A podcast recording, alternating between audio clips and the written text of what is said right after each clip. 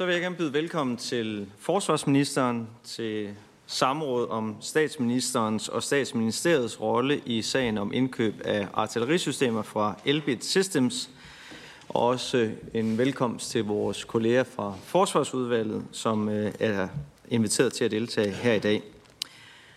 Det samme spørgsmål, der er stillet, det er efter ønske fra Rasmus Jarlov, øh, Lisbeth Bæk Nielsen, Dennis Flytkær, Ole Birk Olsen, Morten Messerschmidt og Trine Pertomak. Og det lyder som følger. Vil ministeren redegøre for statsministerens og statsministeriets rolle i sagen om indkøb af artillerisystemer fra Elbit Systems, herunder om statsministeren kendte til sagen eller var orienteret om sagen, inden den kom i medierne, hvornår statsministeren første gang blev bekendt med spørgsmålet om erstatningsanskaffelserne og på vis foranledning. Og jeg vil starte med at give ordet til øh, Rasmus Jarlov på vegne af spørgsmålsstillerne til at motivere samrådet. Værsgo. Tak formand, og tak for, at forsvarsministeren og hans folk er kommet her i dag for at drøfte statsministerens rolle i elbitsagen. Det er jo kommet frem i pressen, at statsministeren og statsministeriet har spillet en øh, usædvanlig aktiv rolle i sagen. Øh, der har været møder mellem øh, departementcheferne. Statsministeren har foretaget telefonopkald i øh, sagen til udlandet. Vi ved ikke, hvem hun har talt med, og det rejser jo nogle spørgsmål. Fordi der er tale om en sag, hvor Folketinget er blevet misinformeret, og der vil vi gerne vide, om statsministeren har spillet en aktiv rolle i det. Derfor bad vi statsministeren om at komme i samråd her for at drøfte med os og forklare, hvad der er foregået. Statsministeren har svaret, at hun finder det mest rigtigt, at det er forsvarsministeren, der redegør for, hvad statsministerens rolle har været i øh, sagen.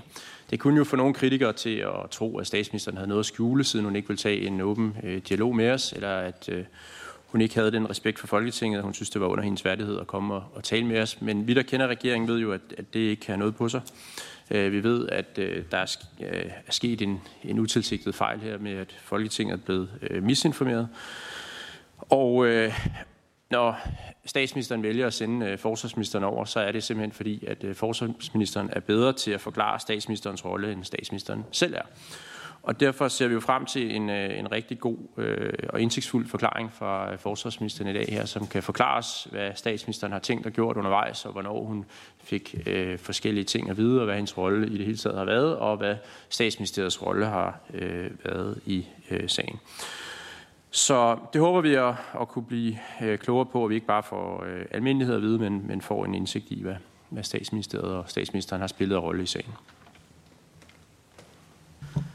Tak for det. Så får ministeren ordet til besvarelse af samrådsspørgsmålet, og så tager vi spørgsmåls- og svarrunden bagefter. Værsgo.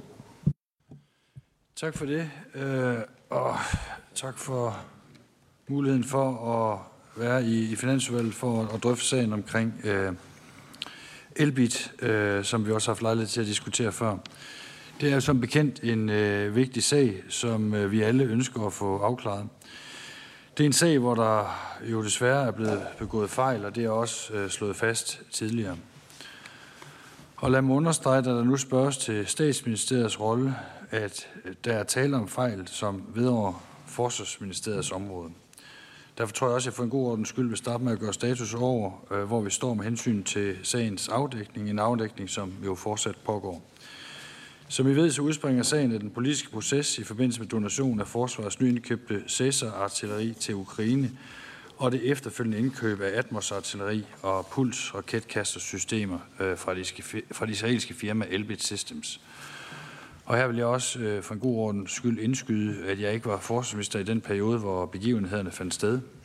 Min viden og forståelse af sagen beror i høj grad på den øh, afdækning, der er foretaget indtil nu, og, og som Folketinget også har været inddraget i. Denne afdækning består indtil videre af to redegørelser udarbejdet af henholdsvis Forsvarsministeriets departement og Forsvarsministeriets Materiel- og Indkøbsstyrelse, også i dagligt dag, øh, eller også dagligt øh, kaldet FMI. Øh, og som jeg jo også øh, har haft lejlighed til at gennemgå ved to tidligere samråd, øh, både i Finansudvalget og også i Forsvarsudvalget. I den efterfølgende proces har det stået klart, at der er behov for at få belyst sagen yderligere dels for at få komme til bunds i de kritisable forhold, som redegørelserne har bragt frem i lyset, dels fordi den interne redegørelse i Forsvarsministeriet desværre endte med også at indeholde fejl. Derfor har vi nu efter drøftelse med partier her i Folketinget lagt os fast på et kommissorie for en uafhængig undersøgelse, som vil blive i gang sat snarest muligt.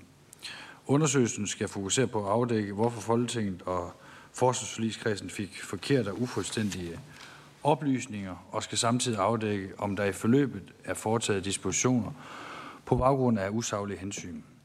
Undersøgelsen kommer til at omhandle fire timer. Først og fremmest øh, begivenhedsforløbet omkring FMI's markedsundersøgelse, der skal undersøges nærmere. Redegørelsen har vist, at der er behov for at få afdækket præcist, hvad der lå til grund for FMI's markedsafdækning forud for anbefalingen om indkøbene fra Elbit Systems, og derudover skal overvejelsen om industrisamarbejde også undersøges.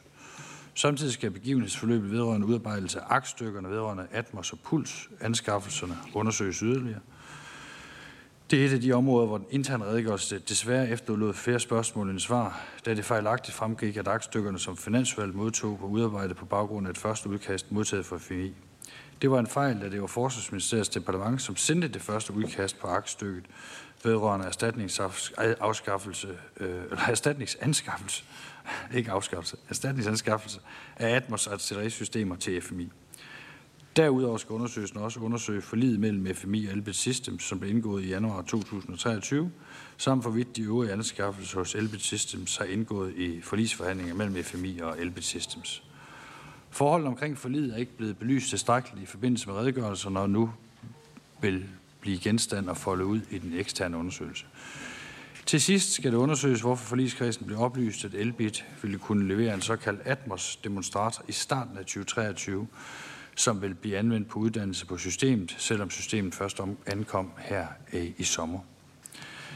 Jeg er øh, tilfreds med, at vi nu har fået defineret undersøgelsens områder, så vi kan komme videre med den uafhængige afdækning af sagen. Det er aftalt med partierne, at undersøgelsen vil blive foretaget af en advokat baseret på skriftlige kilder.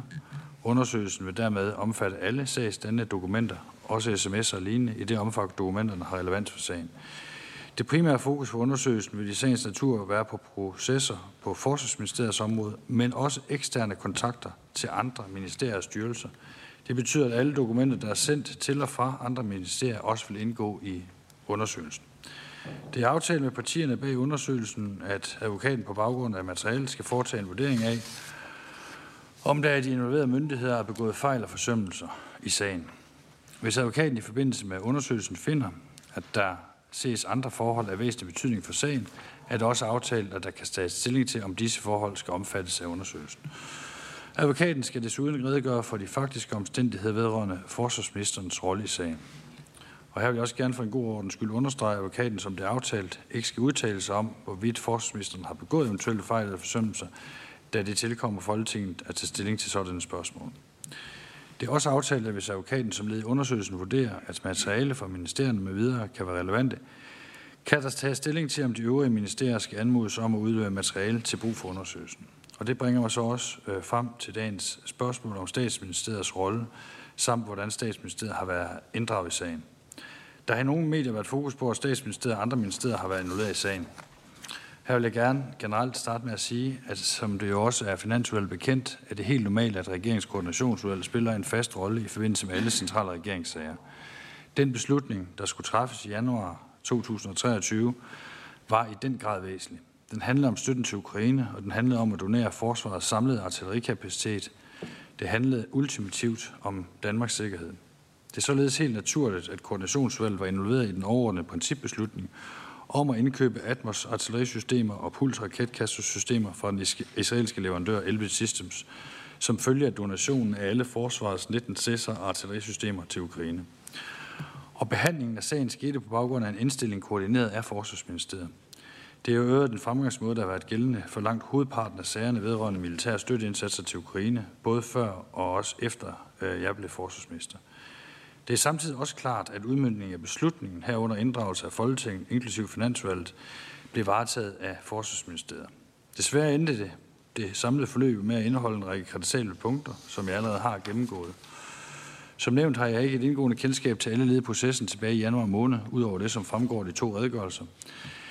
Men der er ikke tvivl om, at de fejl, der er afdækket, vedrører Forsvarsministeriet, og det vil sige øh, enten departementet eller de berørte styrelser. Det skal vi nu have afdækket godt og grundigt, så vi får vidsthed om de nærmere omstændigheder i forløbet. Og jeg vil også gerne understrege, at der bliver tale om en bred undersøgelse. Den vil selvfølgelig både omfatte Forsvarsmateriel og Indkøbsstyrelse, Forsvarskommandoen, Forsvarsministeriets departement, men den vil også omfatte materiale, som Forsvarsministeriet har modtaget fra eller har sendt til andre relevante styrelser og ministerier. Undersøgelsen vil også omfatte Forsvarsministeriets bidrag til sager, der er blevet behandlet i regeringen. Jeg har lagt stor vægt på, at der er bred opbakning til den kommende undersøgelse. Vi har haft en række gode drøftelser om undersøgelsens udformning, og for mig har det også samtidig været væsentligt, at undersøgelsen bliver gennemført relativt hurtigt og effektivt. Det er forventningen, at et advokatfirma med de præmisser, vi har aftalt, vil kunne færdiggøre undersøgelsen hurtigst muligt i det nye år. Vi har sat 1. april som deadline, og når vi når dertil, vil jeg også glæde mig til øh, at først og fremmest diskutere undersøgelsens konklusioner med de partier, der står bag aftalen, men selvfølgelig også dele konklusionerne øh, med øh, Folketinget. Tak. Tak til forsvarsministeren, og så åbner vi for spørgsmål på den måde, som vi plejer at gøre, nemlig at man har, øh, vi tager et spørgsmål ad gangen med mulighed for øh, som udgangspunkt en enkelt opfølgning, og så går vi videre til den næste spørger. Og den første, der er indtegnet, det er Rasmus Jarlov. Værsgo. Tak for øh, redegørelsen for, hvad der er sket over i øh, Forsvarsministeriet, og hvad man har tænkt sig at gøre i forbindelse med undersøgelsesagen. Øh, det var midlertid ikke det, samrådet handler om. Samrådet handler om statsministeriets rolle. Det tætteste, vi kom på, at forsvarsministeren her redegjorde for statsministeriet og statsministerens rolle, var, at du sagde, at det er naturligt, at koordinationsudvalget i regeringen er involveret i sagen. Det, det ved vi godt, at det er øh, naturligt. Men derudover, hvad har statsministeriet og statsministeren så foretaget sig i sagen? Det fik vi ikke noget svar på øh, overhovedet. Øhm, jeg kunne godt tænke mig derfor at spørge øh, yderligere blandt andet om det telefonopkald, som vi jo ved, det offentlige viden, at statsministeren har foretaget telefonopkald til udlandet i, i sagen her. Har det telefonopkald været til Israel? Og øh, har statsministeren drøftet sagen med israelerne og Netanyahu, da hun besøgte øh, Israel? Og grunden til at spørge om det, det er fordi, jeg ved, at sagen har optaget israelerne rigtig meget. Jeg har selv fået henvendelser fra den øh, israelske ambassade, øh, om det aflyste øh, artilleriudbud, og det har derfor stået højt på israelernes agenda. Undskyld, dagsorden. Øh, derfor er det ret naturligt at tro, at når det er en sag, der optager den israelske ambassadør, at han så også har øh, fortalt det hjemme i Israel, og de har drøftet øh, sagen med Mette Frederiksen, da de havde lejligheden til det, da hun øh, besøgte øh, israelerne. Så det vil jeg godt høre forsvarsministeren om. Han kan kaste lys over, øh, hvilken drøftelse der har været med israelerne. Så det er forsvarsministeren. Ja, tak for det. altså, jeg synes jo nu, jeg startede med, øh, eller startede med det er forkert at sige, fordi at jeg startede med at redegøre for forløbet, men jeg synes jo nok, jeg har prøvet at folde ud, øh, hvordan øh, regeringen har øh, forholdt sig til hele øh, det her spørgsmål. Nemlig øh, det, som man normalt gør i regeringer, det er, at øh, den slags beslutninger, som der er her, drøfter man jo selvfølgelig overordnet i øh, koordinationsudvalget, når det er øh, centrale regeringssager. Det er der ikke øh, noget nyt i, det er der ikke noget mærkeligt i. Øh, det vil tværtimod være øh, meget mærkeligt, hvis man ikke havde en drøftelse om det i forhold til, hvor stor sagen er øh, i omfang. Både i forhold til sikkerheds- og udenrigspolitisk betydning, men for den sags skyld også i forhold til det, som jeg selv nævnte, øh, Danmarks øh, sikkerhed. Så på den baggrund, så øh, må jeg sige, at jeg ikke rigtig øh, synes, at, at det er mærkeligt, øh, at man har øh, en drøftelse i øh, koordinationsudvalget. Når det så er sagt, øh, så i forhold til, hvad der er, er foretaget af telefonopkald øh, eller lignende, øh, jeg er med på, at der er udleveret, tror jeg, en, en agtindsigt øh, over, over nogle akter, men øh, jeg kan ikke øh, bringe lys over, hvem øh, statsministeren har, har talt med. Så er det Rasmus Jarlov. Øhm, ja, altså vi, kom, vi er jo ikke blevet helt så, så meget klogere, som vi havde håbet på. Vi tænker, når, når forsvarsministeren blev sendt over, så fordi han var bedre til at redegøre for statsministerens rolle, end hun, hun selv var, når hun ikke selv ville dukke op og, og redegøre for sin rolle. Øh, indtil videre har vi desværre kun fået øh, øh, lidt almindelighed om, at det er almindeligt, at en statsminister øh, er involveret i sagerne. Det er også rigtigt, at det er almindeligt, at sagerne er på dagsordenen i koordinationsudvalget. Men det, der ikke er almindeligt, det er, at der er en intensiv mødeaktivitet blandt øh, departementchefer, øh, og at øh, statsministeren foretager opkald i, øh, i en sag. Det er, ikke, det er ikke rutine. Det er ikke sådan, at statsministeren går ind i alle sager og ligger og ringer rundt for at få dem til at glide igennem. Og det rejser selvfølgelig spørgsmål om, øh, hvad har dagsordenen øh, været her. Øh, fordi øh, kritikere kunne godt få den tanke, at der har været et pres øh, fra øh, statsministeriet, fordi man selv har været under et pres og har haft et ønske om at gøre øh, israelerne øh, tilfredse. Og, øh, og det, som, som en, en, en, en pro-israelsk øh, dansk politiker, så synes jeg jo ikke, der er noget galt i, at man har en, en dialog med israelerne. Men der, hvor det bliver galt, det er, hvis man begynder at presse Folketinget øh, til at træffe beslutninger på et falsk grundlag, fordi man giver forkerte informationer, fordi man har øh, den slags øh, ønsker. Og det er ret naturligt, at vi, øh, vi bor i det. Så, så, øh, så derfor kunne vi jo godt øh, tænke os at vide, har forsvarsministeren talt med statsministeren om, hvad der er foregået. Fordi jeg må sige, at jeg synes, at forsvarsministeren virker ret uforberedt på at svare på de spørgsmål, vi har i dag om statsministerens rolle, hvilket også er, er svært øh, for forsvarsministeren. Men har I drøftet sagen sammen? Har øh, forsvarsministeren været sammen med statsministeren og fået en orientering om, hvad der er sket, så han er bedst muligt stand på og, til at svare på vores spørgsmål her i dag? Tak for det. Så er det forsvarsministeren. Ja, ja tak for det.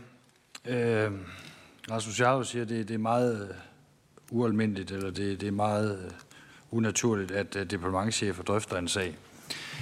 Det ved jeg i hvert fald, at Rasmus Jarlov godt ved ikke er unaturligt. Det er meget naturligt, at man i forbindelse med større principielle sager i en regering, at der er der også drøftelser på øh, departementchefsniveau. Det, det, det vil jeg faktisk sige øh, havde været meget mærkeligt, hvis departementchefer ikke drøfter en så stor principiel sag. Som jeg startede med at sige øh, i min sidste, sidste besvarelse, så handlede det her om støtten øh, til Ukraine, øh, og det handlede om at donere forsvarets samlede artillerikapacitet. Altså ikke bare en del, men den samlede artillerikapacitet. Og det har jo en en-til-en betydning også i forhold til Danmarks sikkerhed og hvad det øh, måtte få af konsekvenser. Derfor synes jeg også, øh, at det er vigtigt igen at understrege, øh, fordi der bliver ligesom spurgt ind til, om Forsvarsministeriet overhovedet havde nogen rolle i den her sag. Og som jeg sagde øh, i min besvarelse, behandlingen af sagen skete på baggrund af en indstilling koordineret af Forsvarsministeriet. Det vil sige, at det er Forsvarsministeriet, der har ansvaret for sagen.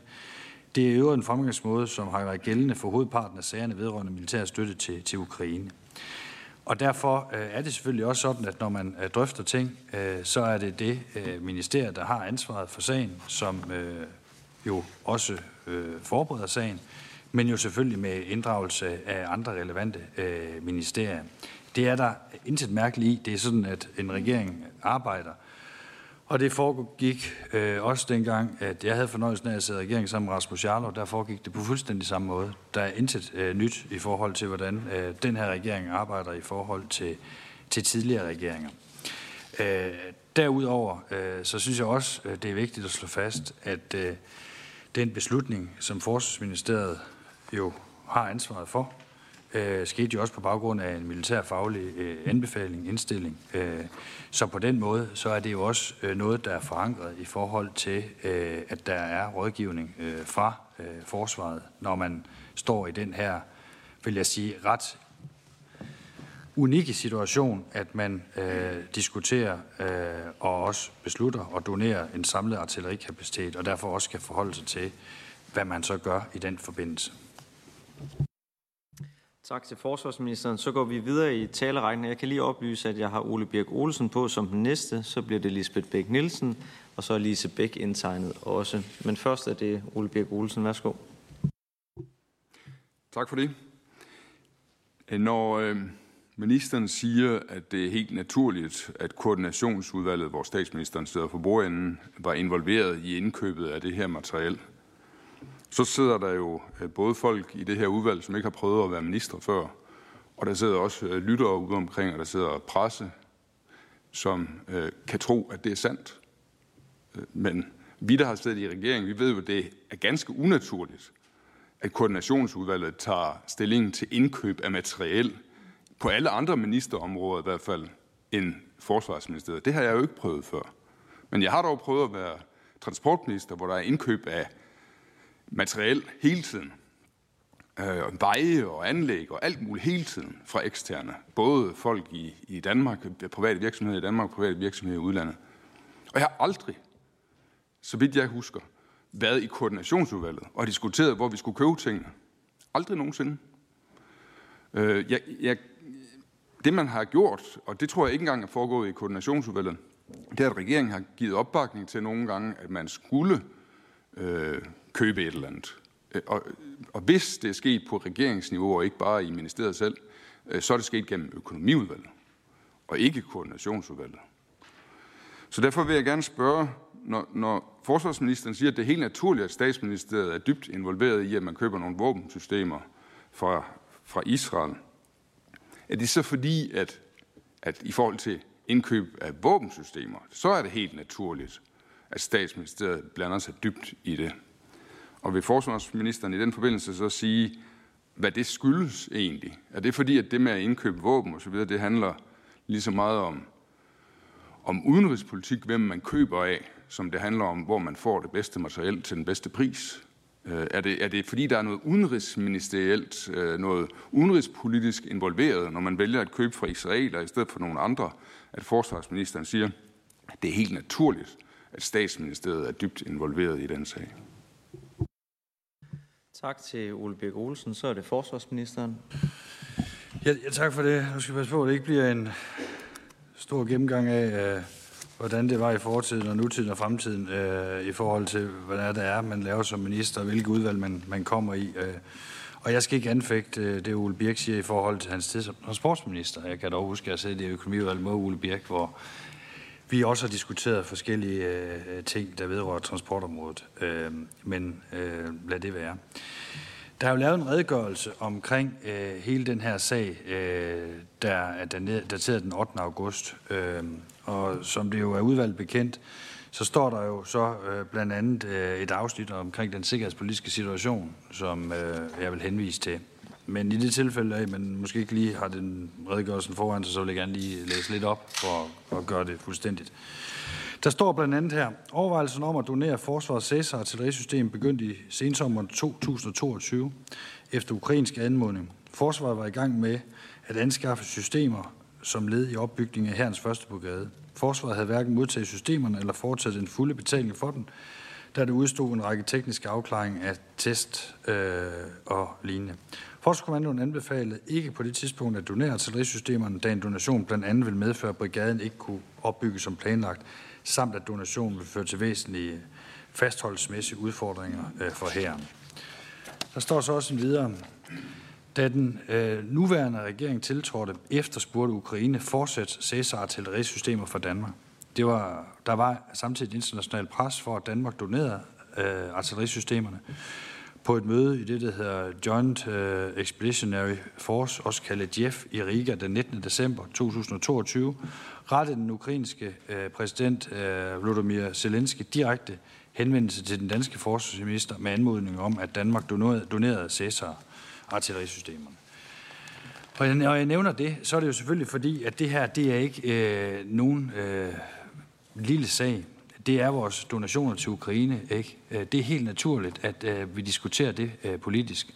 Både i forhold til at diskutere det med udenrigsministeren og derudover også diskutere det med, øh, med statsministeren. Men det er klart, at dem, der har ansvaret for donationerne og aktstykket og det, at donationerne så øh, bliver givet, og man har styr på den, det er jo selvfølgelig øh, Forsvarsministeriet. Men det her er jo noget, der har en, en stor sikkerhedspolitisk betydning, det siger sig selv. Og derfor er det selvfølgelig også helt naturligt, øh, at man øh, har en drøftelse af det øh, i øh, regeringen. Alt andet vil jeg faktisk sige vil være meget mærkeligt. Vi befinder os og befandt os også på det tidspunkt i en alvorlig sikkerhedspolitisk situation, hvor øh, der var et udbredt ønske fra Ukraine om, at øh, Danmark øh, donerede øh, vores artilleri. Det, det er jo ikke nyt, at der hele tiden måtte være ønsker fra Ukrains side, øh, og man kan jo også sige, at øh, en lignende diskussion, der også har været fremme, bare for at sige, at det her det er ikke nyt, det var, da vi i løbet af foråret diskuterede hele spørgsmålet omkring træningsaktivitet øh, i forhold til F-16-fly. Det er jo heller ikke en beslutning, øh, man som forsvarsminister lige tager øh, en fredag eftermiddag uden overhovedet at involvere regeringen i det. Det er jo en, der har enormt stor betydning. Og når jeg nævner det her, så er det selvfølgelig fordi, øh, at de her beslutninger har så stor øh, betydning, at øh, det giver absolut mening, at man også kan, kan drøfte det i regeringskoordinationsvalget. Tak til forsvarsministeren. Så er det Ole Bæk Olsen. Jamen, ja, der er intet unaturligt i, at man taler i koordinationsudvalget om, at man vil forære materiel til Ukraine. Selvfølgelig. Det, det er da det mest naturlige i verden. Det, der er unaturligt, men som forsvarsministeren påstår er naturligt, det er, at statsministeriet er dybt involveret i, hvor man skal købe erstatningsmateriel. Det har jo ikke noget at gøre med krigen mellem øh, Ukraine og Rusland og øh, forhold til NATO og alt, alt det der, som, som, som vi har kørende i spørgsmålet om, skal vi hjælpe Ukraine, eller skal vi ikke hjælpe Ukraine? Det er et spørgsmål om, hvor får man det bedst mulige erstatningsmateriel? Og, og, og der er der ingen naturlighed, i hvert fald ikke på andre ministerområder, i forhold til, at statsministeriet skal være involveret, blandt andet med telefonsamtaler til det land, man gerne vil købe erstatningsmateriel fra. Og derfor spørger jeg, det her med indkøbet af erstatningsmaterialet, bliver det også brugt i en eller anden udenrigspolitisk sammenhæng? Er det også influeret af udenrigspolitik, sådan at statsministeriet må være involveret, fordi statsministeriet har ansvar for noget udenrigspolitik? Er det det, der gør det naturligt, at statsministeriet og statsministeren er involveret i det? At indkøbe af erstatningsmateriel, altså ikke beslutninger om at donere materiel til Ukraine, men indkøbet af erstatningsmateriel, det bliver simpelthen nødt til at være øh, i statsministerens bevågenhed. Tak for det. Så er det ministeren. Ja, tak for det. Øhm, en del af, af den her diskussion vedrører jo også meget af det, der sker på, øh, på forsvarets område øh, generelt. Og det er også derfor, jeg tillod mig at referere til, til redegørelsen, øh, hvor jeg siger blandt andet, øh, at forsvaret er i gang med at anskaffe systemer, som leder i opbygningen af herrens første brigade. Herrens første brigade har øh, været øh, forsinket øh, af forskellige årsager. Og derfor øh, må man jo også sige, at øh, det her øh, spørgsmål omkring øh, donation, det vil også få en en-til-en betydning i forhold til opbygningen af første brigade. Og derfor var det også helt afgørende, at en hurtig genanskaffelse, det var også en forudsætning for donationen i forhold til at kunne give en militær faglig vurdering. Og derfor er der sådan set ikke noget mærkeligt i, at når man diskuterer øh, en donation og fuldstændig forærer hele sit artillerisystem væk, så den militær faglige vurdering, der lå til grund øh, for, at man så også øh, havde den her drøftelse, det var jo, at man så også skulle øh, sikre en genanskaffelse af, af flere forskellige årsager.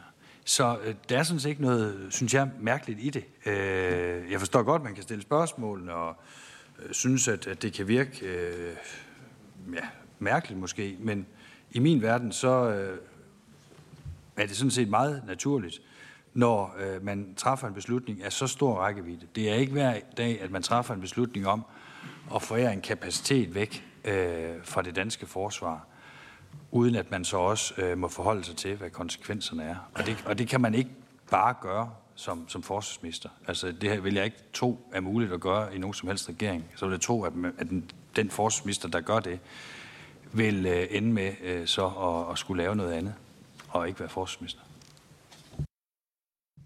Tak for det. Så går vi videre til uh, Lisbeth Bæk Nielsen. Tak.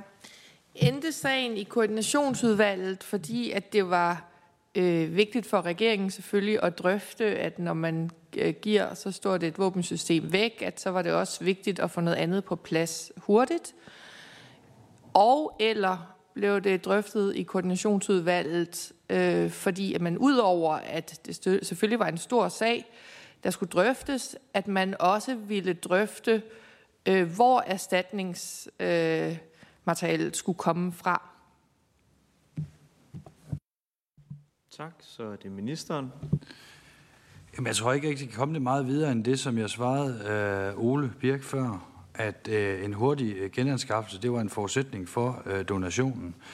Og, og det synes jeg ikke, der er noget mærkeligt i, øh, fordi at, som vi har oplyst før, en situation, hvor hele kapaciteten i forhold til, forhold til artillerisystemet øh, bliver doneret, så bliver man jo nødt til øh, at forholde sig til, hvad det giver af, af udfordringer, både på den korte og længere bane.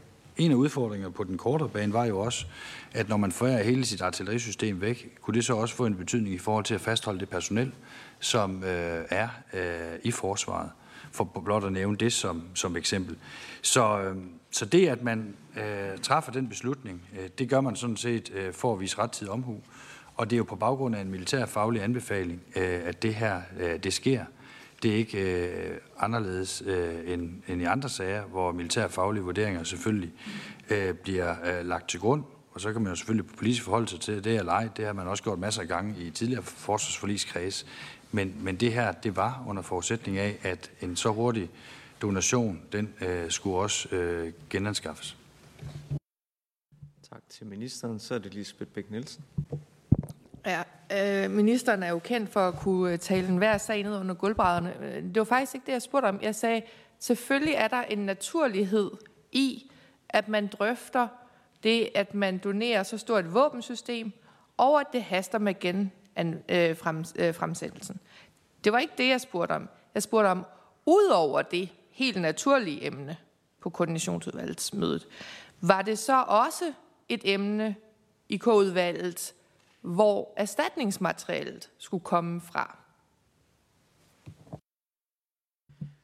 Tak for det. Så er det forsvarsministeren.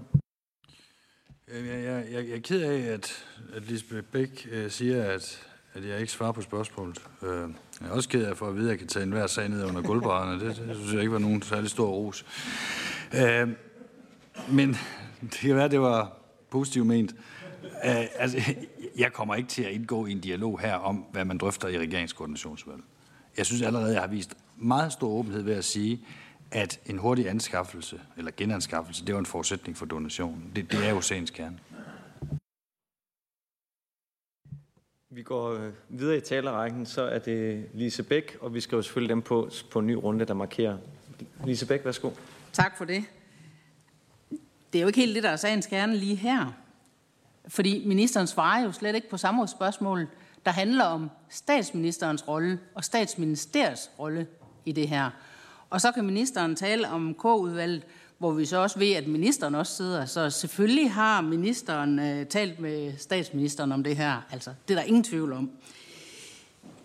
Altså, selvfølgelig kommer det i K-udvalget, fordi at der er en virksomhed, der vil lægge sag an imod Danmark på grund af alt det her.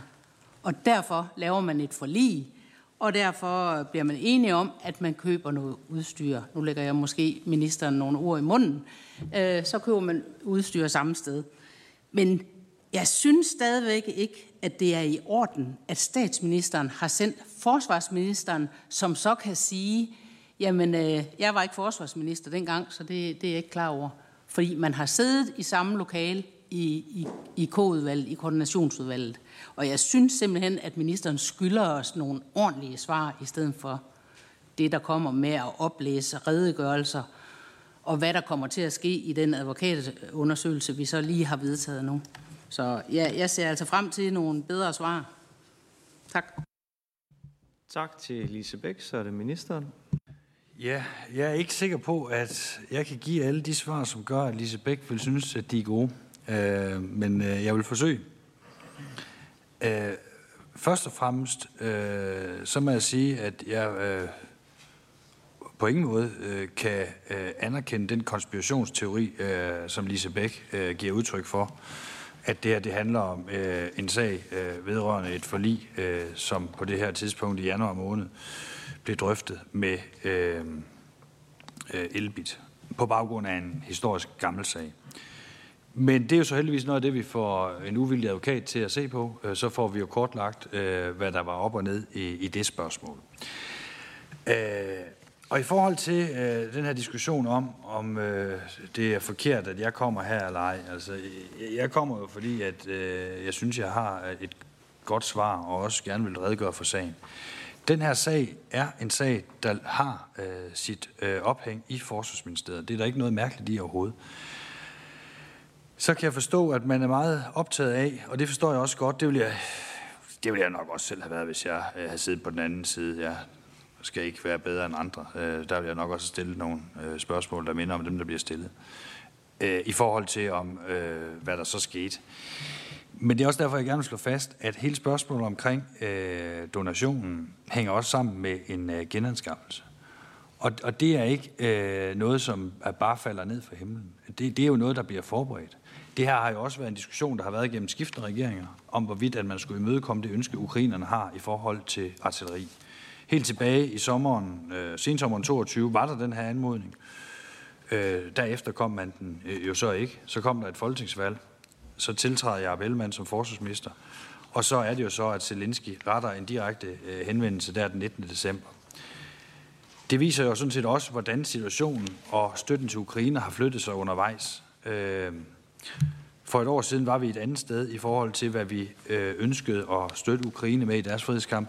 Nu, nu er vi et helt andet sted i dag. Og derfor øh, vil jeg sige, det vil være fuldstændig utænkeligt, at i så store spørgsmål her, at øh, det er noget, der, der kører, uden at regeringen drøfter det. Øh, det, det. Det vil jeg sige. Fordi hvis det var sådan, at øh, man tænkte, at jeg som forsvarsminister kunne sidde øh, og bestemme øh, fuldstændig øh, uden at konsultere andre i regeringen, så tror jeg, man undervurderer, hvor stor en uh, sikkerheds- og udenrigspolitisk betydning nogle af vores donationer har. Det siger jeg ikke, at Lise Bæk gør, men, men det er mere bare for at sige, at det her er ikke et spørgsmål om uh, at forære uh, 10 uh, regnfrakker. Det her det er noget, noget helt andet. Det, det er noget, der har en, en kæmpe stor udenrigs- og sikkerhedspolitisk betydning. Tak, så Lise Bæk. Tak for det. Tak for den der historiske tidslinje igen. Altså, vi har lige øh, nogle af os øh, siddet og aftalt øh, en advokatundersøgelse, hvor vi også gerne ville have haft øh, med ind over, hvor involveret øh, statsministeren og statsministeriet havde været. Det kunne vi ikke få lov til. Her i Finansudvalget har man så indkaldt øh, statsministeren i et samråd, hvor så forsvarsministeren kommer i stedet for. Altså, ministeren bliver ved med hele tiden at sige, at det er helt naturligt, at man gør det ene og det andet. Og hvis det er det, hvad er så problemet? Hvorfor stiller statsministeren ikke op? Det, det, jeg, jeg, jeg synes simpelthen, vi har krav på at få nogle bedre svar. Undskyld, jeg siger det en gang til. Tak, så er det ministeren. Jamen, det skal jeg bestemt ikke undskylde. Det, det, tager jeg, det tager jeg sådan set bare ned som, at, øh, at Lise Bæk mener, at, at der er grund til at, at svare øh, bedre, end jeg har formået at gøre. Altså først og fremmest, så er det her jo altså øh, Forsvarsministeriets sag. Øh, derfor vil det også være mærkeligt, hvis statsministeren kom. Altså vi har jo det i Danmark, der hedder ministerielt styre. Det er, at, at det er de respektive minister, der har ansvaret på de områder, de har delegeret øh, kompetence til. Og, og i den her sag er det altså øh, Forsvarsministeriet, der har øh, sagens øh, genstand. Det er Forsvarsministeriet, det er ikke øh, statsministeriet. Og jeg vil også sige, at skiftende regeringer har jo haft det, det, det kloge og klare princip, at, øh, at, at, at statsminister øh, beder den respektive minister om at stille op i samrådet, hvis øh, det vedrører nogle konkrete øh, sager. Det er ikke nyt. Det, det har også sket i den regering, jeg selv sad i tidligere. Øh, der, der husker jeg, at der var andre partier, der var kritiske over for det, men jeg husker ikke nødvendigvis, at Lise Bæk var kritisk på det tidspunkt. Men sådan er der så meget. Og, og, og jeg forandrer mig også undervejs i forhold til, øh, hvordan øh, mit syn er på tingene. Men overordnet set, så vil jeg sige, hvad, hvad skulle statsministeren have med den her sag at gøre? Fordi de beslutninger, der er forelagt, det er jo øh, Forsvarsministeriet. Og det er også derfor, vi i den undersøgelse, vi så er blevet enige om, der siger vi også, at der kan man følge papirgangen ind og ud af, af Forsvarsministeriet. Så hvad Forsvarsministeriet har sendt ud, det vil man kunne følge til andre ministerier, og hvad der måtte være kommet fra andre ministerier eller styrelser, det vil man også kunne se øh, af det, der kommer frem. Øh, og, og det gør jo, at hvis man måtte have en eller anden konspirationsteori om, at der er kommet et diktat over for prins Jørgensgaard om, at nu skulle man gøre det eller det, jamen altså, så findes det jo i dokumenterne. Så, så, så der er jo sådan set ikke noget at, at være bekymret for. Øh, alt det der kan jo komme for en dag. Jeg vil bare sige, at den beslutning, der er her, den bygger på en militær faglig anbefaling, som den daværende forsvarsminister står på, og som man drøfter, fordi det har sammenhæng mellem donation og genanskaffelse. Tak til forsvarsministeren. Så er vi igennem den første runde af spørger, så nu går vi til den anden runde, og her har jeg noteret uh, Lisbeth Bæk Nielsen, Rasmus Jarlov og Ole Birk Olesen, bare så man ved, om man er på listen eller ej. Lisbeth Bæk Nielsen, værsgo. Tak. Øh, forsvarsministeren påberåber sig øh, retten til ikke at, at, at delagtiggøre os i, hvad der blev diskuteret i K-udvalget, men, men det her er jo en sag, hvor Folketinget er blevet ført bag lyset. Øhm, det er der jo ingen tvivl om. Så er spørgsmålet, hvem der har været involveret og, og hvordan. Øh, og derfor så bliver øh, ministeren nødt til øh, som minimum at kunne afvise, at sagen endte i K-udvalget, fordi at der var en baserende sag med Elbit, og fordi at man ønskede genanskaffelse øh, fra Israel. Ministeren. Altså, jeg kommer ikke til, ligesom øh, tidligere regeringer og mine forgængere, hvad enten de har været røde eller blå eller grønne, øh, og sidde og referere for, hvad der er sket øh, i et møde i regeringskoordinationsvalg. Det, det, det kommer jeg ikke til. Men jeg vil gerne igen slå fast, det er øh, Forsvarsministeriets genstand. Og Lisbeth Bæk siger rigtigt, at, at, at finansvalget er ført bag lyset. Øhm, det er nogle relativt stærke ord. Men det er korrekt, at Finansvalget har ikke fået de rigtige oplysninger i forbindelse med det arkstykke, som kommer så på baggrund af de beslutninger, der bliver truffet i forhold til spørgsmål omkring øh, genanskaffelse. Det, det er 100% korrekt. Det har jeg beklaget øh, adskillige gange. Og det er jo så også det, vi får undersøgt nu, om hvordan, at det er et af de elementer, vi får undersøgt, hvordan kan det aktstykke, øh, om man så må sige, blive til ud, eller blive udarbejdet, uden at man, om man så må sige, giver finansvalget et retvisende billede af det, man skal tage stilling til. Det, det er jo fuldstændig korrekt, øh, og, og det øh, får vi heldigvis så også undersøgt. Men øh, aktstykket har jo ikke været øh, genstand for øh, en diskussion øh, på den måde i forhold til den militære øh, faglige anbefaling. Det er jo noget, som kommer, når man så har besluttet, øh, at Forsvarsministeriet øh, gør det, som Forsvarsministeriet foreslår, nemlig at man har mulighed for at, genanskaffe et artillerisystem, når man nu donerer et helt system til Ukraine. Så det kommer på, kan man sige, en, en anden tidslinje end, end hele spørgsmålet om det, som Lisbeth Bæk også spørger om, nemlig øh, Øh, koordinationsudvalgsmødet. Øh, det er helt naturligt, når man laver aktstykker, at man så også, øh, om man så må sige, og det fremgår jo også af, af sagen, øh, at man så også øh, udveksler aktstykker øh, med, øh, i det her tilfælde, øh, Finansministeriet. Men det, det, øh, det, det, det gør ikke, at man så kan sige, at, at ansvaret flytter. Ansvaret for den her sag ligger et sted, og kun et sted. Det ligger i, i Forsvarsministeriet. Det, det er øh, det, der er tilfældet. Man kan ikke sige, at, at man som forsvarsminister kan udlicitere ansvaret, fordi det hænger på Forsvarsministeriet, for det er Forsvarsministeriets sag. Tak til ministeren. Vil Lisbeth Bæk-Nielsen have en opfølgning? Så har man mulighed for det. Værsgo. Altså ministerens forgænger på posten øh, gjorde det da meget klart, og det kan jeg jo godt sige her også, fordi det gjorde han jo også i offentligheden, gjorde det da meget klart, at han også synes, der var et virkelig mærkværdigt sammentræf med, at der blev indgået forlig med Elbit, og Elbit så også fik aftalen. Altså, han konkluderede ikke på det, men han var meget åben om, at det var et meget mærkværdigt øh, sammenfald. Så det her handler jo ikke kun om øh, altså en... Øh, øh, en, en, øh, en fejl i, øh, i et aktstykke. Øh, det, det handler jo også om, at når vi som Folketing skal bevilge penge, og mange penge, så, så gør vi det på, på vegne af befolkningen, befolkningens penge, og, og derfor skal vi have de rette oplysninger, og også vide, hvad er baggrunden for, at man vælger et bestemt øh, øh, våbensystem. Øhm, og ligesom mine kolleger, så undrer jeg mig jo bare over, at hvem der så skal levere det system, at man ikke bare siger, at det skal selvfølgelig bare være en ren øh, militærfaglig vurdering, men man skal ind som lægmænd, som al respekt i ministre i K-udvalget jo er, skal ind og diskutere, hvor det skal fremskaffes fra og, og, øh, og, og have det på, på dagsordenen. Og det var egentlig bare derfor, jeg stillede ministeren det spørgsmål, om ministeren ikke skulle fortælle, hvad der var sket på K-udvalget, men om ministeren kunne afvise, at en af grundene til, at det var endt i K-udvalget, var, at der var en verserende sag med Elbit, og at man ønskede gen øh, øh anskaffelse fra, øh, fra et israelsk firma. Tak til Lisbeth Bæk-Nielsen. Så er det ministeren. Jamen altså, jeg, jeg er helt opmærksom på, hvad, hvad Jacob Ellemann har sagt. Øh, og hvad det hedder, det er jo en anden del af, af den øh, drøftelse, og også derfor det er godt, vi får det undersøgt, det er jo om hvorvidt, at der var urendt trav i forbindelse med, med forlid. Øh, det har jeg jo også øh, sagt, at vi øh, er helt åbne over for at få kortlagt og for at få undersøgt. og, og jeg kan jo bare igen understrege, at når Finansudvalget, og jeg har jo selv siddet i Finansudvalget tidligere, øh, jeg har jo selv været kritisk over for at stille mange spørgsmål til aktstykker, øh, Øh, for jeg mener, at man skulle have det oplyst på, på et godt grundlag. Man skal stole på det, der bliver sendt. Øh, ellers så er man jo prisgivet som, øh, som medlem af Finansudvalget.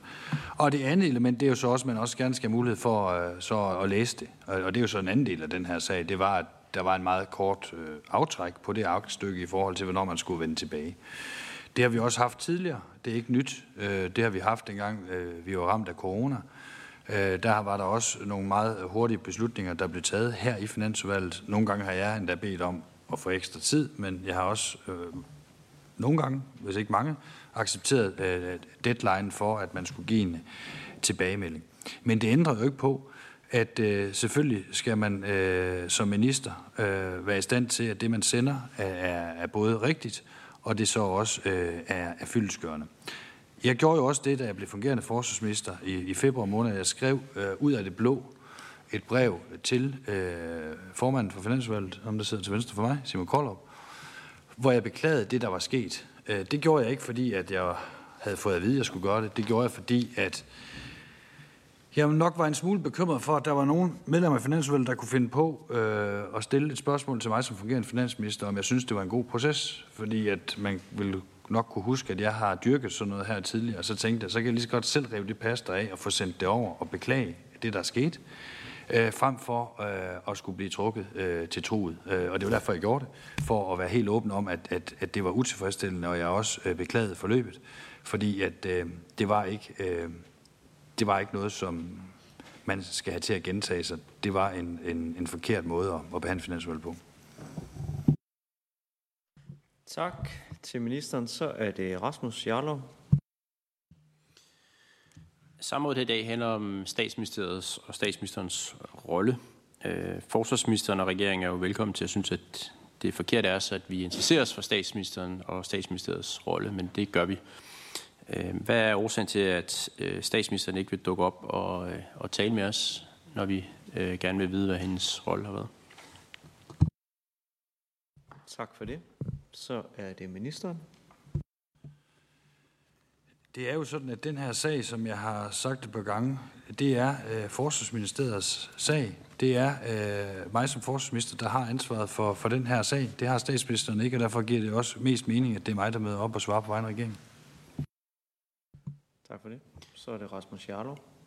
Jeg tror måske, at øh, forsvarsministeren misforstod mit øh, spørgsmål. Jeg, jeg spurgte ikke øh, om, øh, om, hvem der har hovedansvaret for sagen. Jeg spurgte om, hvorfor at det er naturligt for forsvarsministeren at komme og redegøre for statsministerens rolle. Det er specifikt statsministerens rolle, vi har bedt om at få en forklaring af og en drøftelse af. Statsministeren og statsministeriets rolle. Hvordan kan regeringen vurdere, at forsvarsministeren er bedre egnet til at redegøre for det end øh, statsministeren selv? Er det fordi statsministeren har noget at skjule, eller er det fordi det er under hendes værdighed at tale med øh, Folketinget, eller hvad er baggrunden for, at statsministeren ikke øh, vil dukke op, når vi beder hende om at komme i samråd? Tak for det. Så er det ministeren. Altså, jeg har det indtryk, at statsministeren gerne møder op i Folketinget. Øh, så det er ikke under hendes værdighed ikke at komme i finansudvalget. Øh, jeg har øh, faktisk det indtryk, at statsministeren er meget glad for at komme her øh, i Folketinget, øh, ligesom alle øvrige jo er, for det er jo en del af demokratiet. Det er jo, at man øh, møder op og drøfter ting med Folketinget og parlamentet. Når jeg kommer, så er det fordi, at det er Forsvarsministeriets sag. Det er os, der har det politiske ansvar her og derfor øh, giver det også kun mening, øh, at det er mig, der så øh, kommer. Tak for det. Den næste på talerrækken, det er Ole Birk Olsen. Ja, man siger nogle gange, at, at hukommelsen er kort i dansk politik. Der tror jeg, at man normalt mener, at, at det er hos vælgerne, den er kort. Altså, de tilgiver hurtigt noget og, og glemmer hurtigt ting og sager. Jeg tror ikke, man mener, at, at folketingsmedlemmer og minister går rundt og glemmer, hvad der er sket for kort tid siden hele tiden. Men, men for godt 12 måneder siden, der havde vi en sag, hvor, hvor den daværende statsminister, som er den samme som i dag, hævdede, at alt ansvar for Mink-sagen, det lå over i Fødevareministeriet. Og det gjorde hun med de samme argumenter, som øh, forsvarsministeren bruger i dag, for at alle alle ansvar for elbilsagen ligger i Forsvarsministeriet. Og dengang statsministeren sagde, at alt ansvar for Mink-sagen lå i Fødevareministeriet, der grinede blandt andet den nuværende forsvarsminister, som dengang bare var her, her Truls Lund Poulsen. Det synes han var helt skørt. Selvfølgelig havde statsministeren der et hovedansvar for de ting, der foregik i Mink-sagen. Fordi at beslutningerne var truffet på koordinationsudvalget med statsministeren for bordenden. Og nu skal vi så høre, at selvom den her beslutning til synligheden er truffet i koordinationsudvalget med statsministeren for bordenden, så, så siger den nuværende forsvarsminister det samme, som han grinede af dengang. Det hed så, at det var alene Fødevareministeriet, der havde ansvaret for Mink-sagen. At, at det kun er Forsvarsministeriet, der har ansvaret for den her elbilsag. Selvom beslutningen er truffet med, med statsministeren for bordenden i koordinationsudvalget. Jeg skal, jeg skal vide, siden statsministeriet er involveret i det her, og til synlandet ringer ned til Israel om indkøbning af erstatningsmateriel, og siden at der åbenbart er, er kontakter fra Israel til Øh, for, formanden for forsvarsudvalget for at få Danmark til at gøre bestemte ting. Er det fordi, der har foregået en lobbyindsats over for statsministeriet, og at statsministeriet har videreformidlet den lobbyindsats i koordinationsudvalget og fået forsvarsministeriet til der at skulle købe erstatningsmateriale et bestemt sted?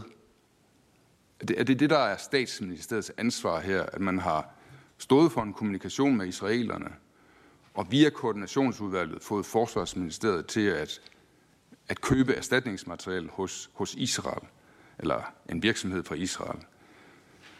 Er, er, det, er det det, der er statsministerens og statsministeriets ansvar i den her sag? Tak for det. Så er det forsvarsministeren. Ja, øh, jeg var ikke forberedt på, at jeg skulle også inddrages i Mink-sagen, øh, men øh, det blev jeg så. Øh, jeg ved ikke, hvornår jeg grinede, men jeg skal ikke udelukke, at jeg har grinet på et tidspunkt af noget. Øh, jeg har nok også øh, været meget ked af noget andet, men øh, lad det være. Det, som er sagens genstand her, som jeg også sagde, det er, at det her det er jo på baggrund af en indstilling, som kommer fra Forsvarsministeriet. Det er ikke statsministeriet, der koordinerer den her sag. Det er hverken statsministeriet eller statsministeren, der sidder og laver en koordination af den her sag. Det er Forsvarsministeriet. Og det er også på baggrund af en militær faglig anbefaling, der kommer. Den er ikke, øh, det er ikke sådan, at statsministeriet sidder og koordinerer militær faglig anbefaling. Det, det er ikke på den måde, ting fungerer. Så det er sådan set svaret på det. Tak til ministeren. Så er det Ole Birk Olsen. Men altså det, at de her, det her erstatningsmateriale skal købes øh, i Israel, det er simpelthen en beslutning, som træffes i koordinationsudvalget. Altså der træffer man ikke bare beslutning om, at man skal give noget, noget materiel til, til Ukraine. Det er også i koordinationsudvalget, man træffer beslutning om, at erstatningsmaterialet, det skal købes i Israel. Og, og derved får statsministeriet øh, et ansvar for det, fordi man har siddet med statsministeren for bordenden i koordinationsudvalget, hvor man har truffet beslutning efter indstilling fra Forsvarsministeriet, så har man truffet beslutning i koordinationsudvalget med statsministeren for bordenden om, at erstatningsmaterialet det skal købes i Israel. Er det rigtigt forstået? Tak for det. Så er det ministeren. Det, som er rigtig forstået, som jeg har prøvet at gengive flere gange, det er, at hele spørgsmålet øh, omkring donation, det har en en-til-en sammenhæng med genanskaffelse i forhold til den sikkerhedspolitiske situation, vi lever i. Og det diskuterer man øh, i, den, i den samme, kan man sige, omgang, fordi man kan ikke se de her to ting øh, adskilt. Det er lige præcis derfor, at der selvfølgelig også er en militærfaglig anbefaling af, at hvis man laver den her donation, altså forærer et helt artillerisystem, en hel kapacitet væk, hvad gør man så i den forbindelse? Fordi man jo også blandt andet har nogle forpligtelser i forhold til et forsvarsforlig, hvor man siger, at man skal opbygge en brigade, og hvor det her jo så er et element i hele det spørgsmål. Så det her, det hænger sammen, som jeg har sagt øh, et par gange. Tak for det. Nu er vi der, hvor der klokken er 5 minutter i 4 minutter i 2, og vi øh, slutter samrådet klokken 2. Vi har aftalt, at det er Rasmus Jarlov, der runder af på vegne af spørgerne. Øhm, men min taleliste er faldet sådan ud, at Rasmus er på først, og så kommer Lisbeth Bæk Nielsen bagefter. Så jeg vil egentlig spørge, om vi skulle vende den rækkefølge om, så Lisbeth Bæk Nielsen kommer på nu, og så får Rasmus Jarlov ordet bagefter til at runde øh, samrådet af. Det gør vi. Lisbeth Bæk Nielsen, værsgo. Tak. Inden for, øh, for øh, forsvarsindkøb, øh, så er der jo sådan et almindeligt koncept øh, G2G, altså government to government, at øh, det er noget helt særligt øh, at indkøbe forsvarsmateriel, der det er anderledes end at købe bananer eller tøj eller alt muligt andet. Og derfor er det meget almindeligt, at man har sådan nogle lande øh, samarbejder. Vil det i forsvarsministerens optik være naturligt, at øh, statsministeren øh, sad for bordenden i sådan et government-to-government samarbejde? Tak for det. Så er det ministeren. Øh, det tror jeg, jeg bliver lidt svar skyldig på. Det tror jeg, jeg skal svare på skriftligt. Tak for det. Og jeg ser ikke ønsker om en opfølgning, så jeg giver ordet til Rasmus Jarlov, der har mulighed for at runde samrådet af, og afhængig af, hvordan det falder ud, så kan ministeren selvfølgelig også få, få lov at give replik på det. Værsgo. Det har været meget skuffende samråd. Vi har ikke fået svar på øh, det, vi har spurgt om, som var at få en redegørelse for statsministeren og statsministeriets involvering i forløbet om køb af artilleri fra Israel. Der er rigtig mange mistanker, der hænger i luften. Øhm, der er naturlig grund til at tro, at statsministeren har diskuteret sagen med Netanyahu, da hun besøgte Israel.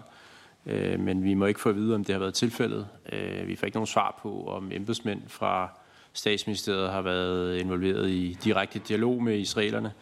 Vi har ikke fået noget svar på, om statsministeriet har været drivende i den øh, udemokratiske hasteproces, hvor man fejlinformerede øh, Folketinget for at få presset en beslutning øh, hurtigt igennem.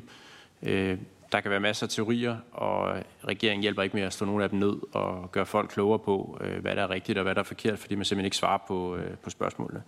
Vi må konstatere, at statsministeren ikke ønsker at tale med os, øh, har sendt forsvarsministeren i stedet for, os, som så bare har læst papir op med sådan helt generelle betragtninger om, hvad man gør over i forsvarsministeriet, men overhovedet ikke har svaret på, hvad statsministeren og statsministeriets involvering har været.